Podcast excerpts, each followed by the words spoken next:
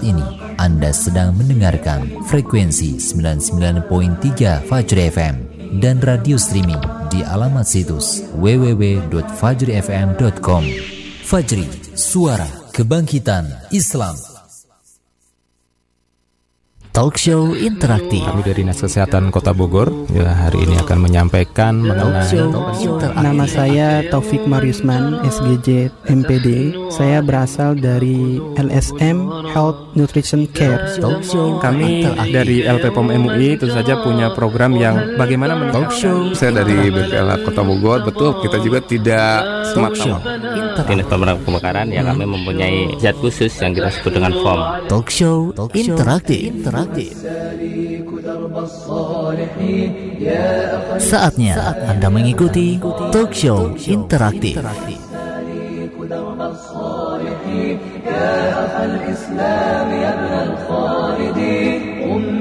فالكون مشلول اليقين قم بنا فالأرض أوحال وطين قم بنا فالكون مشلول اليقين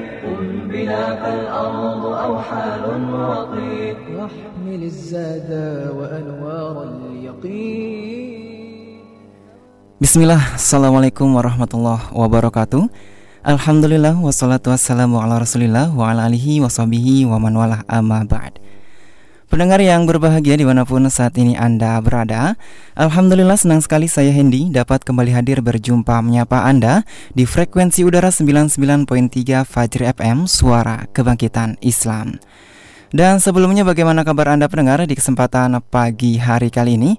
Besar harapan dan doa kami mudah-mudahan Anda beserta keluarga ya dan juga orang-orang yang Anda cintai ataupun juga orang-orang yang Anda sayangi senantiasa selalu berada dalam keadaan sehat walafiat, tak kurang satu apa pun dan mudah dan mudah-mudahan ya selalu tetap semangat dalam menjalankan rutinitas di pagi harinya.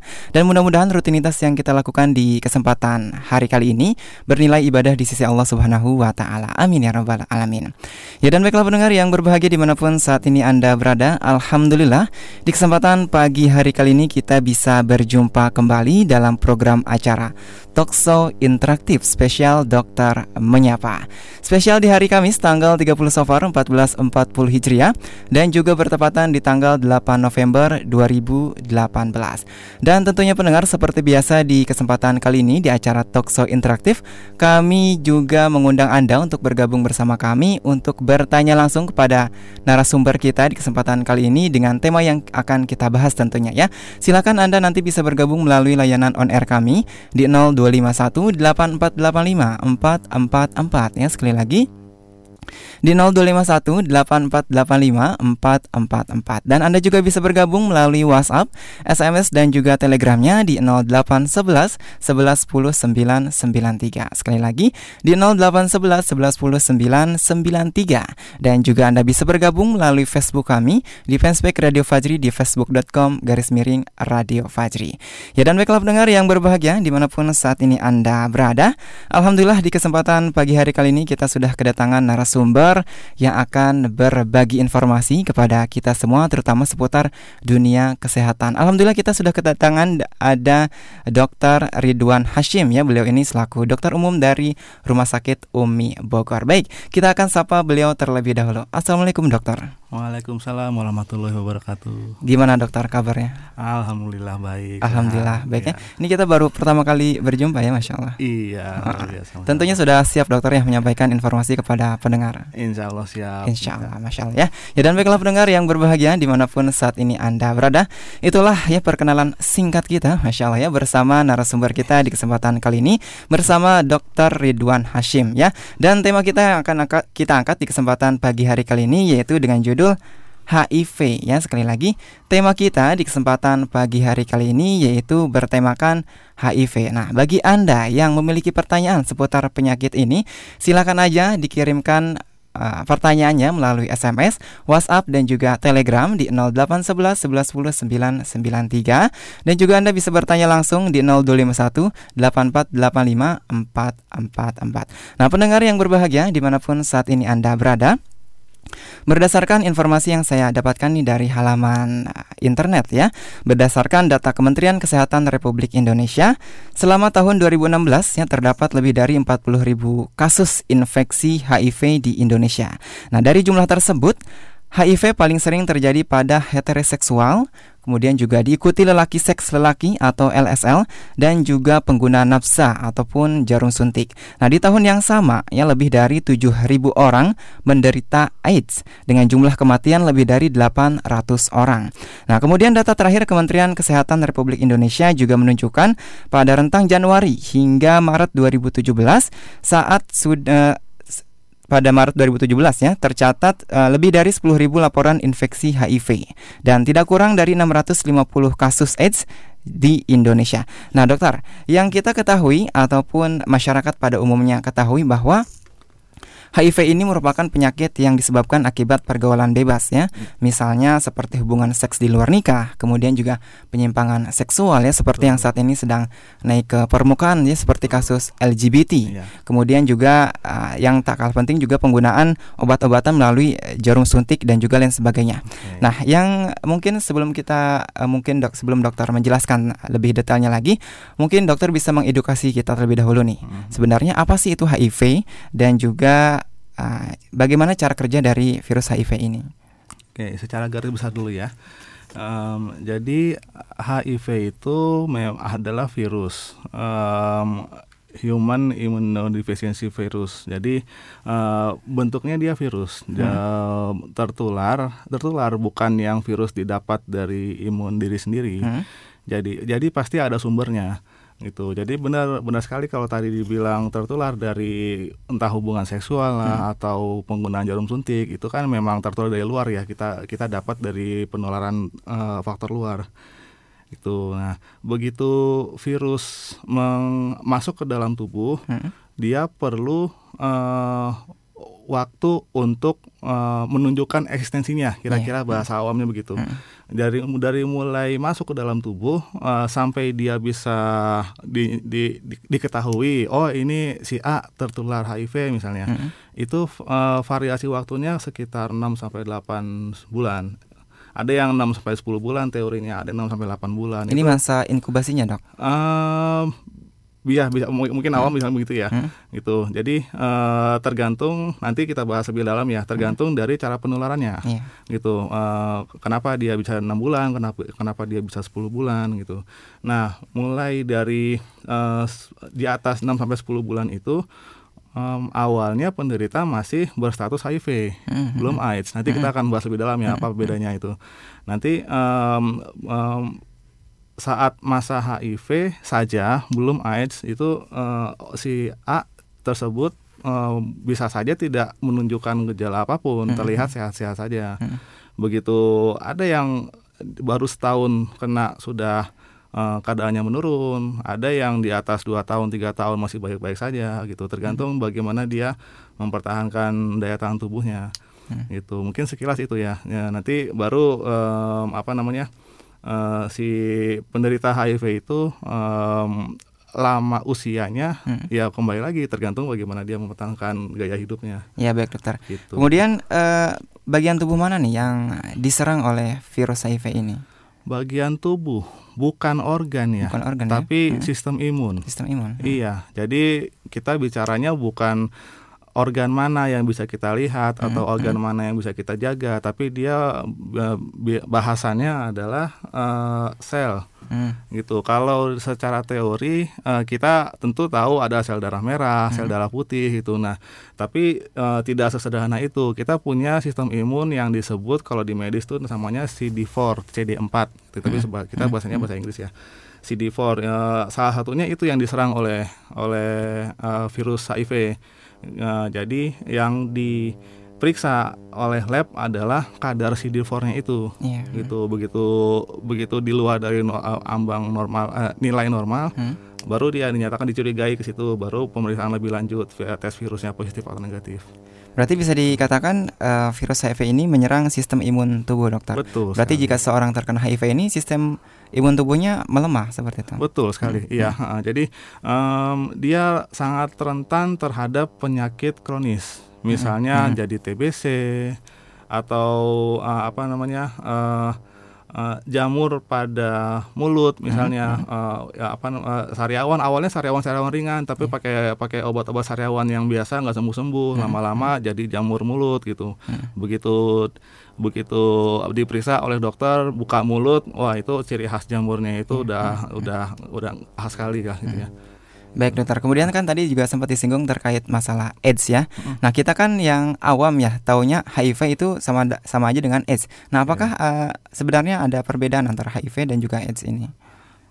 Perbedaan terletak di gejala yang ditimbulkan oleh si pasien. Mm -hmm. Jadi uh, terinfeksi HIV itu belum tentu AIDS karena dia belum menunjukkan gejala-gejala uh, seperti misalnya uh, penurunan daya tahan tubuh uh, ya kena penyakit mungkin TBC, hmm. mungkin bronkitis hmm. atau mungkin ya punya penyakit lain lah gitu. Uh, begitu dia sudah sudah apa namanya terjangkit penyakit lain yang menyertai, hmm. baru status dia jadi HIV. Eh sorry status dia jadi AIDS hmm. gitu. Oh, AIDS kan kepanjangannya acquired uh, immunodeficiency syndrome hmm. gitu ya. Nah, jadi uh, sindroma-sindroma itu gejala-gejala, kumpulan gejala sindroma itu. Baik ya. dokter. Kemudian berarti uh, jika HIV ini tidak segera ditangani ya, hmm. berarti bisa ke tingkat lanjut uh, terkena AIDS ya? Betul sekali. Hmm, ya. Hmm, tingkat lanjutnya seperti itu. Ya. Baik. Kemudian dokter, uh, kita pengen tahu nih sebenarnya apa sih penyebab utama dari penyakit HIV ini?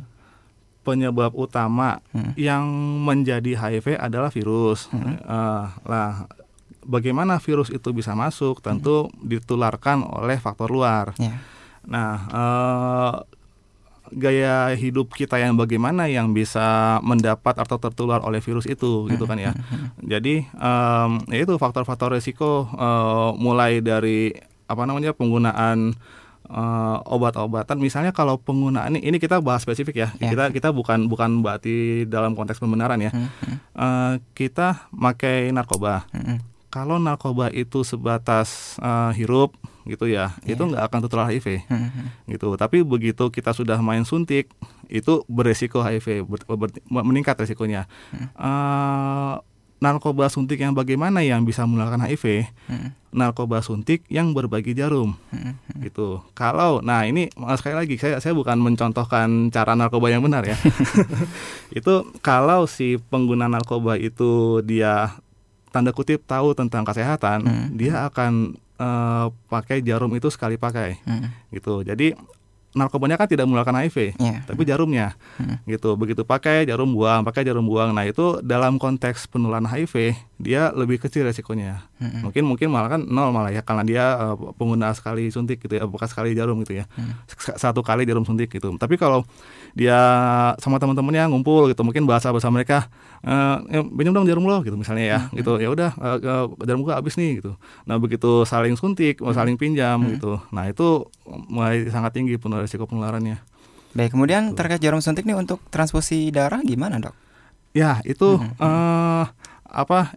Uh, karena itu setiap uh, setiap darah yang ditransfusikan ke orang lain itu menjalani proses pemeriksaan yang sangat panjang di PMI gitu. Nah, uh, termasuk bukan hanya HIV, termasuk uh, hepatitis lah atau penyakit-penyakit lain yang yang yang memang yang memang apa namanya uh, uh, sangat besar resikonya ter, terpindah ter, terpindah melalui darah ya transfusi darah gitu. Jadi um, apa begitu misalnya kita kita sendiri misalnya kita tidak tahu kita punya penyakit tertentu HIV hmm, hmm. atau hepatitis begitu kita donorkan ke PMI PMI bukan semena-mena uh, se, buka, se, se, semata-mata dia oh ini darah aman nih dia nggak punya penyakit tertentu gitu iya. tetap yeah. kita harus diperiksakan gitu begitu ketahuan darah darah dari si A itu ada macam-macamnya entah hepatitis lah entah HIV itu itu darah dibuang hmm. gitu jadi nggak akan dipakai gitu baik kemudian uh, terkait faktor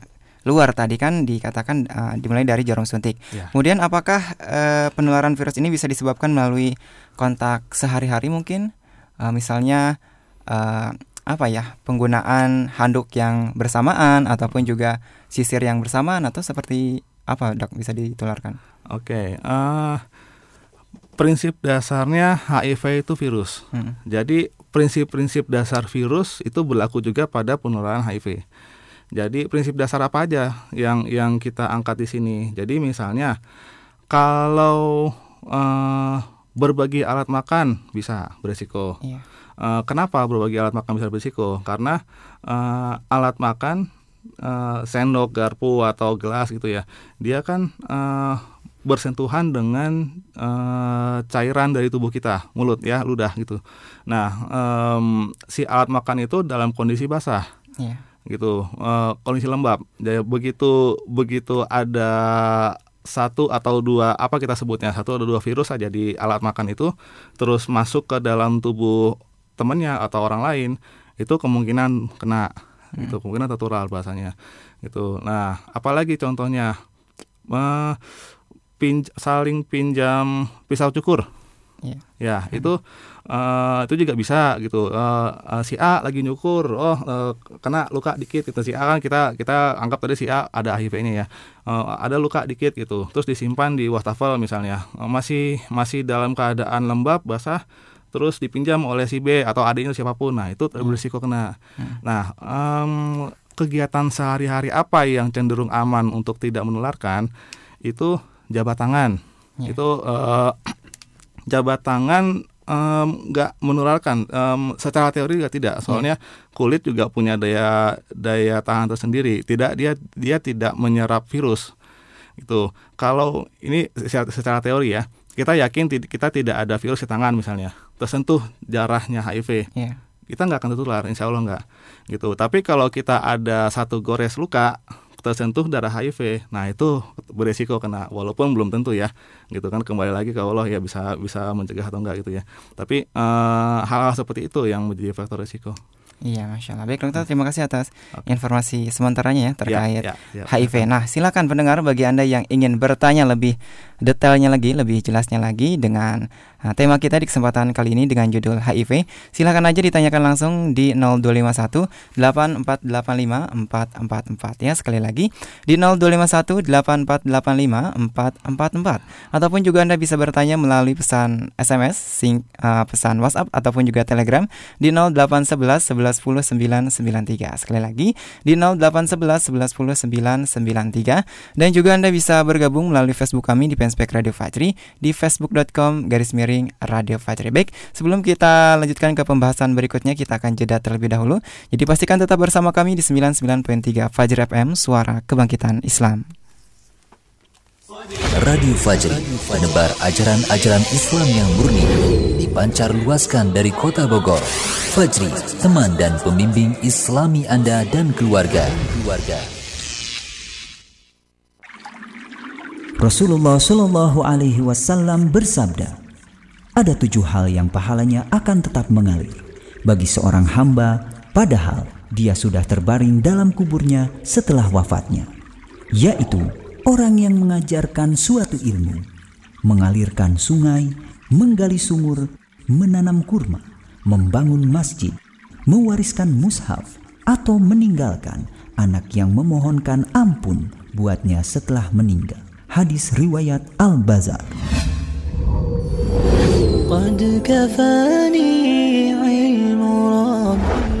Inginkah Anda tetap meraup pahala walaupun telah tiada? Inginkah Anda berinvestasi untuk meraih surga? Ayo segera, jangan ditunda. Bergabung dalam program wakaf serbaguna dengan menyalurkan harta sebagai bentuk cinta masjid dan peduli sesama. Salurkan wakaf untuk pembangunan masjid pesantren, sumur, dan fasilitas umum lainnya di rekening atas nama Yayasan Islam Al-Huda dengan nomor 3536 373802 3536 373802 Bank BNI Syariah. Untuk informasi hubungi 0877 1117 1113 0877 1117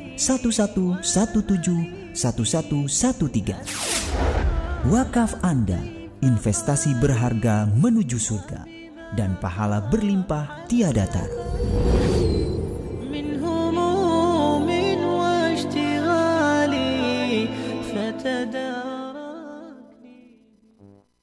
Al-Quran Hiasi hati kita dengan lantunan Al-Quran. Rasakan kenikmatan menyimak kalam ilahi yang menyejukkan hati. Kini telah tersedia murotal baru 30 juz dari Kori Manca Negara. Di antaranya Syekh Atunaiji بسم الله الرحمن الرحيم. إن الذين لا يؤمنون بالآخرة زينا لهم أعمالهم فهم يعمهون.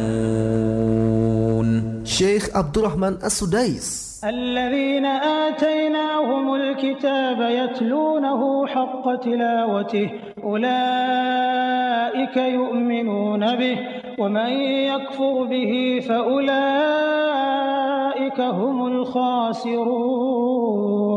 شيخ نابل الرفاعي ألم تعلم أن الله يعلم ما في السماء والأرض؟ إن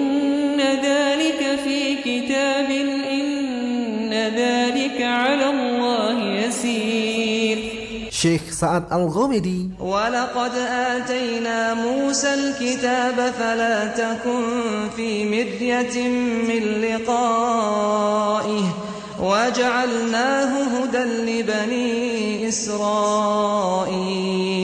Dan Syekh Adel Rayyan. أتل ما أوحي إليك من الكتاب وأقم الصلاة. إن الصلاة تنهى عن الفحشاء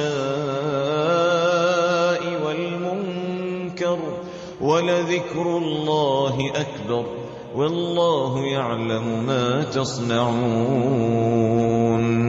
Harga hanya Rp20.000 per CD yang terdiri dari 30 juz murotal Al-Quran. Pesan sekarang juga dengan cara SMS atau WhatsApp. Ketik murotal, tanda pagar nama Anda, tanda pagar alamat lengkap, kirim ke 0857 993 993 98. Sekali lagi, 0857 993 993 98. Seluruh keuntungan dari penjualan CD ini diperuntukkan bagi keberlangsungan dakwah Radio Fajri. Radio Fajri, suara kebangkitan Islam.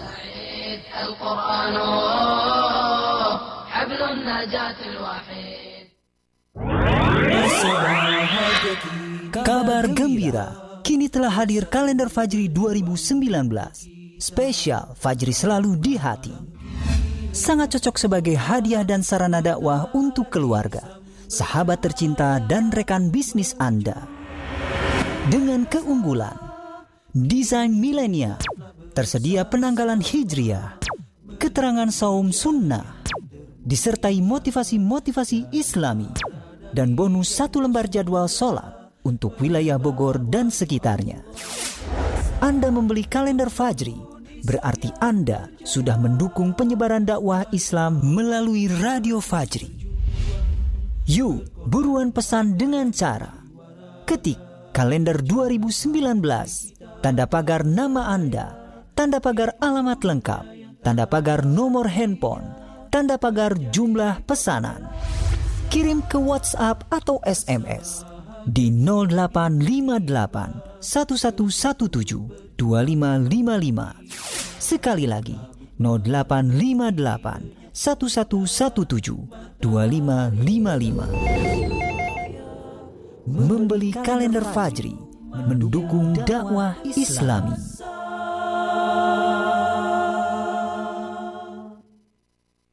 Fajri, suara kebangkitan Islam. أيها السالك درب الصالحين يا أخ الإسلام يا ابن الخالدين أيها السالك درب الصالحين يا أخ الإسلام يا ابن الخالدين قم بنا فالكون مشدود اليقين قم بنا فالأرض أوحال وطير. قم بنا فالكون مشلول اليقين. قم بنا فالأرض أوحال وطير. واحمل الزاد وأنوار اليقين. نوارس الدرب بزيتون ودين واحمل الزاد وأنوار اليقين. نوارس الدرب بزيتون Masih di 99.3 Fajr FM Suara Kebangkitan Islam. Masih bersama Dokter Menyapa ya Di acara Talkshow Interaktif Spesial Dokter Menyapa. Di edisi hari Kamis tanggal 30 Safar 1440 Hijriah. Dan juga bertepatan di tanggal 8 November 2018 Dan sebelumnya kami ucapkan terima kasih banyak kepada Anda yang telah setia mendengarkan acara kami. Terutama bagi Anda yang telah menyimak siaran kami di acara Talkshow Interaktif di kesempatan pagi hari kali ini. Dan tak lupa pula kami ucapkan ahlan wa sahlan, selamat datang ya, selamat bergabung bagi Anda yang mungkin baru menyimak siaran kami, baik itu baru menyalakan gelombang radionya di 99.3 ataupun mendengarkan melalui streaming kami di www.fajrifm.com. Kami ucapkan selamat menyimak dan mendengarkan tentunya. Dan tentunya kami juga masih mengajak Anda untuk bergabung bersama kami untuk bertanya langsung kepada narasumber kita di kesempatan pagi hari kali ini bersama Dr. Ridwan Hashim dari Rumah Sakit Umi Bogor. Nah, silakan kami membuka kesempatan bagi Anda yang ingin bertanya langsung seputar tema kita yaitu dengan tema HIV atau HIV ya. Silakan di 0251 8485 444 ya sekali lagi di 0251 8485 444 dan juga Anda bisa bertanya melalui layanan pesan singkat kami Baik itu melalui WhatsApp, SMS dan juga Telegramnya di 0811 11 10 993 ya 0811 11 10 993 dan juga Anda bisa bergabung melalui Facebook kami di Fanspage Radio Fajri di facebook.com garis miring Radio Fajri. Baik sambil kita menunggu penelpon yang masuk kita akan lanjutkan lagi perbincangan kita di kesempatan kali ini bersama Dr. Ridwan Hashim. Baik dokter, kita ingin tahu juga nih uh, sebenarnya ada nggak sih gejala utama yang ditimbulkan ketika seseorang ini menderita penyakit HIV? Gejala utama yang ditimbulkan ketika seorang menderita HIV, uh, selama dia masih dalam fase HIV tidak ada gejala. Hmm. gitu jadi uh, dia bisa bisa bisa aja nggak ketahuan gitu hmm. uh, dengan dengan kehidupan pribadinya yang sangat berisiko misalnya gitu ya. Misalnya contoh seks bebas gitu ya. Yeah. terus um, apa namanya tapi dia bisa sangat bisa merahasiakan kehidupan pribadi itu gitu. Begitu begitu masuk ke kehidupan hari-hari yang pagi siang kerjanya kerjanya itu uh, terlihat normal. Malah bisa aja terlihat sangat islami hmm. gitu. Begitu masuk kehidupan malam dia langsung berubah 180 derajat gitu ya. Nah uh, selama si orang tersebut uh, bisa bertahan sehat terus bisa bisa apa namanya uh, mempertahankan hidup sehatnya uh, dia tidak akan merubah dari fase HIV ke AIDS. Hmm. itu jadi kalau ditanya gejala uh, selama bisi fase HIV tidak ada gejala nggak kelihatan. Berarti untuk uh, perubahan tubuh tuh gimana dok? Misalnya sering sakit kepala kah atau juga kulitnya bercak-bercak merah atau nggak ada sama sekali? Nggak ada. Nggak ada ya? Nggak ada. Sama seperti misalnya um, si misalnya kita agak menyimpan dikit ya ke bahasa topik penyakit lain ya. Yeah. Misalnya uh, orang hipertensi, hmm. dia dengan tekanan darah terkontrol, berarti minum obat. Kita nggak bisa ngelihat dia orang hipertensi. Dia yeah. nggak akan mengeluh pusing misalnya. Terus misalnya juga orang dengan diabetes, itu dia rutin minum obat gulanya secara teratur. Dia nggak akan nggak akan dari gemuk menjadi kurus gitu dan da, apa namanya uh, gaya bukan gaya hidup uh, perilakunya akan normal-normal saja gitu. Nah fase HIV juga begitu dia belum menunjukkan belum belum belum menunjukkan gejala dan pengaruh ke dalam tubuhnya ke, ke tubuhnya si penderita gitu. Jadi si penderita tidak akan menunjukkan gejala apa-apa, pusing pun tidak. Lalu dok, gimana kita bisa mengetahui kalau misalnya ya, ya. amit-amit ya. nih kita ya. ini terkena HIV jika uh. tidak ada gejala sama sekali? Uh, seperti yang sempat saya tadi bilang sekilas di awal, hmm. um, uh, apa yang ya mungkin orang-orang tahunya masa inkubasi ya, yeah. mulai dari terinfeksi sampai dia dinyatakan positif itu sekitar 6 sampai 10 bulan.